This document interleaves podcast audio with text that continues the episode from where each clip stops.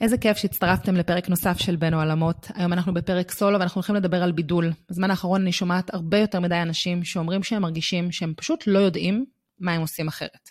שאין להם מושג, כשאני שואלת אותם מה ההבדל ביניהם לבין הקולגות שלהם, אין להם תשובה.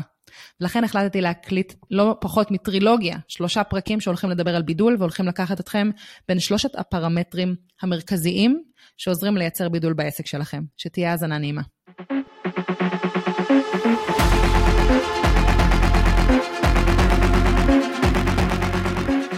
ברוכים הבאים והבאות לפרק נוסף של בין העולמות. אני קרן רייטלר, סטורי טלרית ושותפה שיווקית לארגונים ועסקים. כחלק מהעבודה שלי אני מזקקת מסרים, כותבת סיפורי מותג ומתרגמת אותם לנכסים דיגיטליים. בין העולמות הוא פודקאסט שמבקש להביא רעיונות חדשניים לשיווק ועולמות התוכן שמתחברים אליו. יחד עם המרואיינים שלי והמרואיינות שלי, אני מביאה קול חדש ודרכי חשיבה שיעזרו לאנשי שיווק וארגונים להצליח במאמצי השיווק שלהם. והיום אנחנו בפרק סולו ואנחנו הולכים לדבר על בידול. ואת הפרק הזה אני דווקא בוחרת להתחיל עם איזשהו סיפור שהיה לי כשיצאתי לעצמאות לפני שש שנים. כשאני יצאתי לעצמאות, אז קודם כל יצאתי כמלוות מנהלים, וממש לא ידעתי ש storytelling ותוכן ושיווק זה הולך להיות אה, בכוכבים שלי, מה שנקרא. אבל ברגע שנחשפתי לכלי של storytelling והבנתי שאני הולכת עליו כי אני חשבתי שאני עושה את זה טוב ושאני יכולה לתת הרבה מאוד ערך, הבנתי שה storytelling של עצמו ככלי יכול בעצם לעזור למחפשי עבודה, והוא יכול לעזור למנהלים, והוא יכול לעזור לעצמאים, וזה בעצם כלי שהוא מדהים. ובגלל שהייתי בתחילת העסק שלי, ואחד הדברים שהיו לי הכי חשובים זה להבין איך אני סוגרת את החודש, ואני בטוחה שמי מכם, שבין אם אתם בתחילת העסק או יצאתם לעצמאות מתישהו, אתם מכירים את החוויה הזאת שאתם רק רוצים לדעת שיהיה בסדר, אמרתי הרבה מאוד כן להרבה מאוד פרויקטים שלא הייתי צריכה, וככה יצא שבמהלך אה, החודשים עשיתי אה, לאיזושהי מלצרית, עשיתי לה ליווי אה, הכוונת תעסוקה דרך storytelling, עזרתי למישהו לעשות הסבת מקצוע מתחום אחד לתחום אחר, בסופו של דבר ליוויתי גם מנהלים ומנהלות בכירים בתחום ה storytelling, ואפילו עשיתי ליווי לעצמאים ועצמאיות ועזרתי להם לבנות את הסיפור שלהם, את ההרצאות שלהם, הרבה מאוד דברים שבעצם אני היום ברור שאני לא עושה. אחת הבעיות, אם אני מסתכלת אחורה, היא שלא התמקדתי בקהל ספציפי אחד. דיברתי להרבה מאוד קהלים, אז נכון שהייתי מזוהה עם storytelling, ובמקום הזה אולי זה היה באמת הבידול שלי, כי קרן רייטלר ו storytelling הלכו יד ביד, אבל אני חושבת שדיברתי להרבה מאוד קהלים וסירבתי להתייחס לקהל ספציפי אחד, היה בעצם פחד מאוד גדול. פחדתי להפסיד לקוחות. אמרתי לעצמי, רגע, אם אני עכשיו אתחיל לדבר לקהל ספציפי, נגיד שעצמאים ועצמאיות זה הקהל שהכי אהבתי לעבוד איתו, ואני אתחיל לדבר רק אליהם ועל storytelling, רגע, מה, מה יקרה אם עכשיו יפנו אליי אה, ל storytelling למקום אחר, או מה קורה אם אני מפספסת לקוחות פוטנציאליים, וזה יכול להיות אה, הפסד של אלפי שקלים אה, לעסק שלי, זה שיתק אותי, זה השאיר אותי במקום. כולם מדברים על זה שצריך להתמקד, אבל ההיגיון בעצם אומר שככל שאני אדבר ליותר אנשים, ככה אני ארוויח יותר. אבל באמת הפרסומית של היום, זה בדיוק הפוך. כי מה קורה לנו בעצם, ואני אומרת לנו כי אני גם הייתי שם, כשאנחנו בעצם מדברים לכולם, אנחנו מפרסמים טיפים כלליים, דברים כמו איך לעצב לעסק שלכם, אם אתם מעצבים גרפיים, או איך לצאת לחופש מחשבתי כשאתם מטפלים או מאמנים.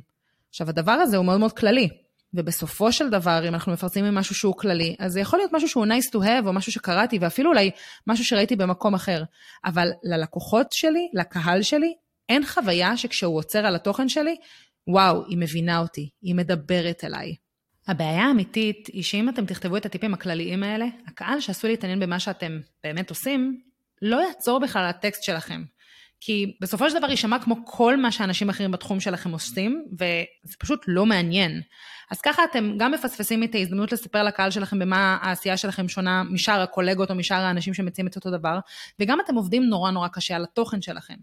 אז אחרי שהבנו מה הבעיה, ונראה לי שגם די ברור מה אתם מפסידים מההתרחבות הזאת ולא הצמצום, בואו ננסה להבין מה דווקא אפשר להרוויח מהתמקדות בקהל ספציפי. אז אני אקדים ואני אגיד שמותגים ועסקים זה משהו שהוא מתפתח, הוא לא מתחיל ונגמר באותו מקום.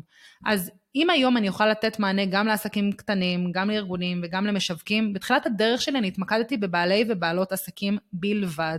עכשיו, בואו ניקח את זה רגע בסוגריים ונבוא ונגיד, עד שהגעתי לנקודה שהתמקדתי בבעלי ובעלות עסקים בלבד, הייתה לי איזושהי ממש התפרסות על מלא מאוד סוגים של אה, קהלים. לקחתי כלי מדהים שנקרא storytelling ועשיתי storytelling למחפשי עבודה, ו storytelling למשני קריירה, ו storytelling למנהלים, ו storytelling לעצמאים ועצמאיות. זאת אומרת, לקחתי איזשהו כלי, איזשהו מוצר, החלטתי לתת אותו למלא מלא מלא קהלים. בסופו של דבר, אם תסתכלו, למי שיש סבלנות, כן, לחזור חמש שנים אחורה, על התוכן שלי, כאילו היה נורא נורא מבולבל, כן, הכל התמקד מצד אחד ב storytelling, אבל בסופו של דבר לא הצלחתי לייצר את האמון הזה, את ה-trust הזה שאנחנו רוצים לייצר עם קהלים, ועבדתי מאוד מאוד קשה כדי להרוויח 4,000, 5,000, 6,000 שקל בחודש, שאתם מסכימים איתי שזה לא סכומים שאפשר להתקיים איתם. בסופו של דבר, אחרי שאמרתי לעצמי, אוקיי, משהו כאן לא עובד, החלטתי רגע להצטמצם, וככה הגעתי למקום הזה של הרצאות. זה הגיע אגב אחרי כמה הרצאות מאוד מוצלחות שאני נתתי, ואנשים אמרו לי, רגע, את יכולה לעזור לי ליצור הרצאה, ואז עשיתי את המחקר שלי, והבנתי שאני רוצה להתמקד בבעלי ובעלות עסקים. מתוך הבנה אגב, שכשאני אבסס את עצמי עם קהל אחד, הוא ייצר לי עבודה וייצר לי גם איזשהו שקט תעשייתי, אני אוכל בעצם להיחשף לקהלים נוספים. אבל כבר בהתחלה, כמו שאמרתי, לא כיוונתי לכל בעלי ובעלות העסקים, אלא רק כאלה שיש להם הרצאה, או רוצים שתהיה להם הרצאה. ובסופו של דבר הבנתי שזה גם לא מספיק. זאת אומרת, אוקיי, אם אני רוצה עכשיו לבוא ולדבר לאנשים שיש להם הרצאה, תחשבו על עצמכם, תחשבו על אנשים שמסביבכם, לכולם יש איזושהי הרצאה. אז ניסיתי להבין רגע מה החוויה של הקהל שאני רוצה לפנות אליו, ודייקתי את זה עוד יותר. זאת אומרת, זה לא רק בעלי בעלות עסקים עם הרצאה, אלא יש כאן משהו יותר מדייק. מדובר בבעלי עסקים שרואים בהרצאה מוצר מפתח שהם מוכרים עבור העסק שלהם. מבחינתם זה לא גימיק שיווקי, זה לא חלק מפאנל שיווקי גדול יותר, אלא חלק נכבד מהעשייה וההכנסה שלהם הוא הרצאות. והם יודעים שהתחום של הרצאות מוצף, כמו כל התחומים שאנחנו יכולים לחשוב עליהם מסביבנו, ולכן הם רוצים ליצור איזושהי חוויה מעולה, כי הם מאמינים גדולים מצד אחד של פה ואוזן, ויודעים שהם יעשו עבודה טובה בארגונים, למשל, אז אותה פונקציה בארגון תמליץ עליהם לעוד ארגונים, אבל גם, אם אני עושה זום אאוט, מדובר בבעלי עסקים עם מודעות מאוד מאוד גדולה לאיך דברים עובדים. הם מוכנים להשקיע בהרצאה שלהם כדי שהמוצר יהיה ממש ממש טוב, אבל הם לא באמת יודעים לעשות את זה לבד. ומתוך המקום הזה שיש להם מודעות, הם יודעים שהם לא יכולים לעשות את זה לבד והם מאמינים במוצר שלהם, אין להם בעיה לשלם על ליווי. אז פה בעצם דייקתי בדיוק מה החוויה שלהם, מה הם עוברים, את התסכול הזה של לעמוד מול קהל ולא לייצר את התוצאה הכי טובה שהם יכולים, שלא ברור להם אם ההרצאה שלהם בכלל הפלואו שלה הוא טוב או לא. ככה היה לי ברור למי אני מדברת. וכשהיה לי ברור למי אני מדברת, בניתי את התוכן שלי סביב הקשר של הרצאה טובה לקריירה והתפתחות. ודיברתי על הקושי ביצירת הרצאה טובה, על טעויות שמרצים עושים בבניית התוכן שלהם. נתתי גם טיפים שהופכים בעלי ובעלות עסקים למרצים מבוקשים, לא משהו גנרי שאפשר לחפש בגוגל, אלא ממש ניסיתי להבין איזה טיפים אני יכולה לתת מהניסיון שלי, שהפכו אותי למרצה שהיא מאוד מאוד טובה. אבל תמיד תמיד נגעתי ברצון שלהם לפרוץ ולתת הרצאה טובה מתוך חוויה שזה מה שיבנה להם את הקריירה. זאת אומרת, אם מישהו היה פונה אליי ואומר לי, בואי תעזרי לי לייצר הרצאה סתם ככה, כי בא לי שזה יהיה חלק מהמשפך השיווקי שלי, זה לא משהו שהיה מעניין אותי. ולכן דיברתי רק לאנשים שאני מבינה לחלוטין את החוויה שלהם. התוצאה הייתה שקיבלתי עשרות פניות של בעלי ובעלות עסקים, והם רצו שאני אעזור להם לבנות הרצאה. וככה התחלתי את הקריירה שלי, ואפילו פתחתי קהילה שנקראה אז קליקר, שהיא הייתה קהילה למרצים, שמהר מאוד היו בה 1,600 אה, אנשים, והכל היה סביב הרצאות. תראו, בעיניי כל הטיפים הכלליים, ולכתוב כמו כולם, הם מתחילים בחוויה הזאת שאנחנו לא יודעים לגמרי מה אנחנו עושים, למי אנחנו עוזרים. כשאנחנו מדייקים, לא רק שיש לנו ודאות, גם לקהל שלנו ברור בדיוק שאנחנו מדברים אליו. כשמדברים אלינו, אנחנו בדרך כלל עונים. שמעתי באיזושהי הרצאה אה, לא מזמן, שמישהי אמרה, היי, אם אתם אה, תלכו ברחוב ומישהו יגיד אה, קרן, אז, וזה השם שלך, את תסתובבי, נכון? גם אם לא דיברו אלייך. כי כאילו החיווט שלנו, כשמדברים אלינו, אנחנו בפומו, אנחנו לא רוצים לפספס שום דבר. אז כשמדברים על החוויה שלנו, זה גם כשאנחנו מדברים אלינו. כשמדברים אלינו, אנחנו עונים. אז היום, בפרק הזה, אנחנו הולכים להתמודד עם הרצון הזה לדבר לכולם, ואנחנו הולכים להצטמצם. אנחנו נתחיל עבודת עומק, שבאמת תכריח אתכם להבין על מי אתם מדברים, ומה הערך האמיתי של מה שאתם עושים. ואתם תפסיקו להרגיש שאתם ליד, כי החוויה הזאת שאנחנו רק ליד ואנחנו לא באמת עושים את מה שאנחנו רוצים, היא חוויה לא פשוטה. בתקווה שאחרי הפרק הזה היום אתם תדעו בדיוק מה אתם עושים ואל מי אתם פונים. אז מה בכלל צריך לעשות? קודם כל להבין איזה לקוחות אתם אוהבים. כי אני ממש מאמינה שיש הלימה בין לקוחות שאנחנו אוהבים לעבוד איתם ובין הערך האמיתי שיש לנו לתת. וככל שהקהל ספציפי יותר, ואנחנו פותרים בעיה שהיא יותר ספציפית, אנחנו מאפשרים לעצמנו להגדיל את המוניטין. ולרוב זה לא מגיע על חשבון לקוחות אחרים. אני יודעת שזה, אמרנו רגע, אם אנחנו מצטמצמים, אז פתאום אנחנו לא מדברים לכולם. אם כרגע לא עומדים אצלכם בתור, וכרגע אנשים לא נלחמים לעבוד איתכם, גם אם נשנה ונצטמצם, אתם לא תפגעו בשום דבר, כי גם ככה לא מגיעים אליכם. אבל בואו נחשוב רגע על מה אנחנו יכולים להרוויח. כשאנחנו מדברים עכשיו ללקוח ספציפי, למישהו עם חוויה ספציפית, רוב הסיכויים שיגיעו עוד כאלה. עכשיו אני רוצה רגע לדבר על נושא שהוא כואב, וזה חודש אוגוסט. אנחנו עכשיו אה, ב-28 באוגוסט, ואני מקליטה את הפרק הזה. כן, אני יודעת, אתם שומעים אותו עכשיו כבר בטח איזה נובמבר, אבל אוגוסט הוא חודש חלש. בדרך כלל. ונכון לרגעים אלה, חודש אוגוסט הוא החודש הכי חזק שהיה לי ב-2023. אני לא אומרת את זה שתגידו, וואו, איזה יופי. לא, זה לא כזה. אני רוצה שתדעו שכשאנחנו מדברים לקהל ספציפי שמבין מה אנחנו נותנים, וכמובן, אני אגיד בסוגריים שיש לנו גם סל מוצרים שמגיע בהלימה עם הדבר הזה, אבל כרגע אנחנו לא בפרק של סל מוצרים. ההצעה שלנו היא מעניינת, ואנשים שאנחנו מדברים אליהם תמיד צריכים משהו. אז כן, ברור שאם אתם עובדים עכשיו עם uh, בתי ספר, אז אוגוסט זה לא, זה לא חודש טוב. בסדר, אוקיי, הבנו. אבל אם אתם עובדים עם בעלי ובעלות עסקים, או אפילו עם ארגונים, כשהפנייה שלכם ספציפית, מדויקת, תהיה לכם עבודה לאורך כל השנה. וזה משהו שממש ממש חשוב לי להגיד, כי אני יודעת שזה מדיר שינה מעיניהם של הרבה מאוד אנשים. אני רוצה לתת לכם רגע דוגמה. דיברתי קודם על זה שאנחנו, אם אנחנו מבינים את הערך האמיתי שיש לנו, וככל שהקהל ספציפי יותר, אנחנו פותרים בעיה ספציפית, מאפשרים לעצמנו להגדיל את המוניטין, בלה בלה בלה בלה בלה, אחלה. בואו ניקח דוגמה. אם אני מעצבת גרפית, סביר להניח שאני יכולה לעשות גם אתר, גם עמוד נחיתה, גם לוגו, גם מיתוג, אני יכולה לעשות הכל. יכול להיות שאני גם מעוניינת לתת את כל השירותים האלה, כי בעצם, אה, לא יודעת מה, אם מישהו מגיע אליי ללוגו, הרבה יותר שווה לי לעשות מיתוג כללי וגם עמוד נחיתה, כי זה הופך להיות מ-1,800 שקל ל-10,000 שקל. אני מבינה את כל הדבר הזה. אבל כשיש כל כך הרבה נותני שירותים, אני קודם כל צריכה לשאול ולהבין למה דווקא אני? למה שלקוח ייקח דווקא אותי לעבודה? בדוגמה הזאת זה יחסית קל, כי יש לנו תוצאה שהיא ויזואלית. יש את הסגנון העיצובי, אפשר לראות אותו בעיניים, ולפעמים הוא בעצמו מבדל, כי אם אני מעצבת גרפית שעושה איורים, לבין מישהי שעושה משהו שהוא יותר, אה, לא יודעת מה, בסגנון של אותיות, או משהו שיותר מינימליסטי, אז יש כבר הבדל, כבר כאן יש איזשהו בידול. אבל אני רוצה רגע שתרדו לסוף דעתי, כי אני מדברת על משהו שהוא יותר עמוק. וזה מה הערך האמיתי שאנחנו נותנים ללקוחות שלנו. עכשיו, דוגמה אמיתית, הייתה לי לקוחה שהיא מעצבת גרפית, ושאלתי אותה ממש שאלה פשוטה, שאתם מוזמנים גם לשאול את עצמכם. עם אילו לקוחות את זורחת? והיא אמרה לי, כשלקוחות מגיעים אליי עם רעיון בראש, וזה משהו שהוא יחסית מגובש, אני נורא טובה בלהבין במה מדובר ולתרגם את זה לשפה מיתוגית, ויזואלית, וזה קורה לי בצורה הכי חזקה עם לוגויים. מדהים. אז השאלה הבאה שלי הייתה, רגע, זאת אומרת שיש הרבה לקוחות שיודעים מה הם רוצים ולא יודעים להוציא את זה החוצה? ואז כאילו היא ניסתה לחזק את מה שאני אומרת, והיא אומרת לי, כן, כן, ברור, רוב האנשים שמחוברים באמת לעסק שלהם ופונים לעיצוב מקצועי, והם גם משקיעים בזה הרבה מאוד כסף, הם מבינים מה הסגנון ומה הערך שהם רוצים. מדהים. אז הבנו שיש פה איזשהו דיוק שצריך לעשות.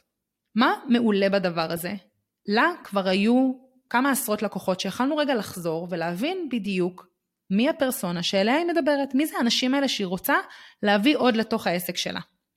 ואז באמת אמרנו, רגע, מה זה אומר אנשים שהם קצת יותר אה, מחוברים לעסק שלהם ופונים לעיצוב מקצועי וכבר יש להם משהו בראש? הבנו שמדובר בעסקים שיש להם נגיעה לעולם האומנות, לעולם העיצוב, זה אנשים עם חוש אסתטי מאוד מאוד גבוה, זאת אומרת, אה, היו לה בארסנל מעצבות תכשיטים, מעצבות ספייסים ומעצבת פנים ומעצב שיער, והייתה לה חנות טבע כשניסיתי רגע להבין מה המחנה המשותף של כל הלקוחות האלה, הבנתי שמדובר בדמות חזקה אחת בתוך העסק, שהדמות הזאת היא יצירתית, יש לה באמת איזשהו חיבור מאוד מאוד עמוק לעסק שהיא הקימה, ומתוך זה היא גם יודעת לאיזה כיוון היא רוצה למשוך אותו. מעולה. אז באמת התחלנו לדבר על לקוחות שיודעים מה הם רוצים, ושיש להם רעיון בראש. והתחלנו להציע פתרון לאנשים יצירתיים שכל הבעיה היא שאין להם את הידע הטכני והיכולת לתרגם את הרעיון שלהם החוצה. וברגע שאנחנו מבינים את הערך האמיתי שאנחנו נותנים ללקוח, שימו לב, מדובר בערך רגשי, מענה לאיזושהי בעיה שהוא מרגיש לא מובן לגביה, אז במידה ובאמת יש לנו תשובה שמכילה את החוויה הזו ופותרת אותה, יש לנו כיוון להבין למי אנחנו יכולים לעזור הכי טוב. אז יחד עם הלקוחה שלי, לקחנו בעצם את כל המסרים שלה והידקנו אותם בלייזר לבעלי ובעלות עסקים יצירתיים, שיש להם רעיון לגבי הלוגו שלהם, לגבי השפה שלהם, ורק רוצים לתרגם אותה החוצה. התחלנו לדבר ולהבין מה החוויה שלהם, של איזה מתסכל זה שהולכים פעם אחרי פעם לבעלי מקצוע ומנסים להסביר להם מה אנחנו רוצים ולא מקשיבים, ואיך אפשר לבוא ולזקק את הסגנון שלהם בכמה מילים או בכמה שאלות שהן פשוטות, וממש בנינו לה גם קודם כל מסרים שמדויקים ומדברים לקהל עצמו, גם בעצם הפכנו את כל החוויית העבודה איתה בזיקוק על הדבר הזה, לקחנו את השיחת אפיון שלה וממש פירקנו אותה לגורמים כדי לשאול מה קורה להם בראש, כדי לצמצם כבר את הפער הזה, כדי שהלקוחה שלי לא תעבוד יותר קשה. כבר דיברנו על החיווי הזה שאנחנו יכולים לבוא ולתת אה, ללקוחות, כדי אה, להעביר אותם איזשהו מסע ושהם יגידו בדיוק מה הם רוצים ולאיזה סגנון הם יותר מתחברים, כדי שכבר בתוך התהליך עבודה הם ירגישו שיש מישהו שמבין אותם. ובאמת בנינו כמה מסעות מאוד מאוד משמעותיים, גם בליד מגנט שיצרנו לה, שבעצם עוזר לאנשים שהם יצירתיים להסביר יותר טוב למעצבים הגרפיים שהם עובדים איתם, מה הם רוצים. כן, כמובן שלא כולם יגיעו אליה, אבל תראו איזה כלי מדהים היא כבר נתנה לאנשים לתקשר ולדבר יותר טוב את מה שהם רוצים. אחר כך התחלנו להגיד, אוקיי, אנשים שמגיעים אליה, כבר בשלב המכירה אנחנו נדבר על המקום הזה של uh, הרעיון שיש בראש ואיך אפשר לצמצם אותו, וכבר נבוא ונבהיר להם שהיא הכתובת לצמצום פער הזה.